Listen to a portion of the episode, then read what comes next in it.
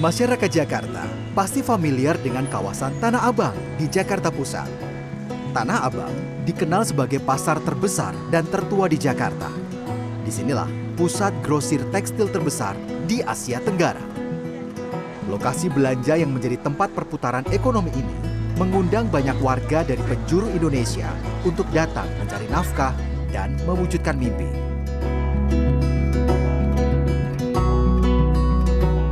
Seperti misi, seorang pedagang bakso yang meninggalkan keluarganya di Solo 8 tahun lalu untuk mencari nafkah di Tanah Abang.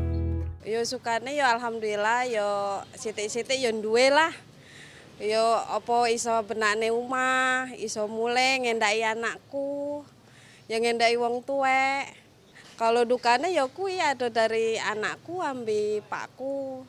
Ada ya orang ngerti anakku ya ngopo-ngopo ya orang mudeng ngono kan. Mangan ya mesakne mangan opo. Orang ngerti ya jenenge anakku sekolah ning kono. Begitu juga dengan Dedi, pedagang asal Solok, Sumatera Barat yang sudah menetap di Tanah Abang selama 20 tahun. Ia memiliki cita-cita untuk membuka warung di salah satu ruko Tanah Abang. Lebih banyak sukanya, ya karena karena Tanah Abang kok pusat uh, pasar Asia Tenggara. Jadi pengunjungnya orangnya tukar ganti-ganti terus, ganti-ganti taruh. Kalau dukanya ya namanya kita uh, namanya wak mangale kaki limo, kadang hujan, orang tidak bisa makan, uh, harus ditutup dulu. Nah, gitu. Menurut sejarawan Asep Kambali, Tanah Abang dibangun di era Hindia Belanda pada 1735 oleh Tuan Tanah Justinus Finks. Saat itu, pasar Tanah Abang menjual tekstil dan barang kelontong.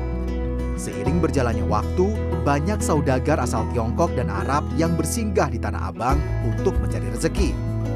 Sayangnya, berkumpulnya ratusan pedagang di Tanah Abang membuat pemerintah kesulitan untuk mengelola kerapihannya. Setelah munculnya kesempatan bagi para preman untuk campur tangan dalam pengaturan lahan, bahkan operasional pasar Tanah Abang.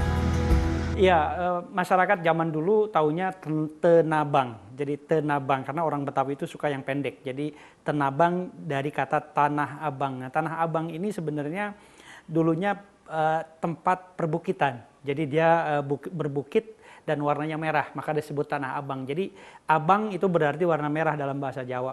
Atas inisiatif dari tuan tanah yang namanya Justinus Fink. Justinus Fink 1735 dibangunlah pasar Tanah Abang dan jalan tertua yang hari ini masih ada adalah Jalan Kebon Siri. Jadi Jalan Kebon Siri ini adalah jalan untuk menghubungkan antara tanah pasar Tanah Abang dan pasar Senen.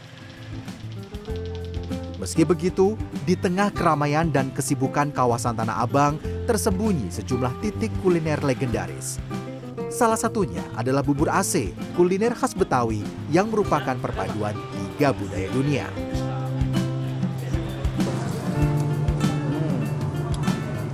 enak banget. Jadi dalam satu piring bubur ini sendiri ini mencerminkan kebudayaan Betawi yang multikulturalisme. Kita bisa lihat dari buburnya sendiri itu berasal dari Tionghoa. Minyak semur. Semur itu adalah kata yang berasal dari bahasa Belanda. Semur yang artinya sesuatu yang dimasak secara perlahan menggunakan bawang dan juga tomat. Terus kemudian kita bisa juga pengaruh dari Timur Tengah dari rempah-rempah yang digunakan. Jadi benar-benar enak, benar-benar kaya rasa. Hmm.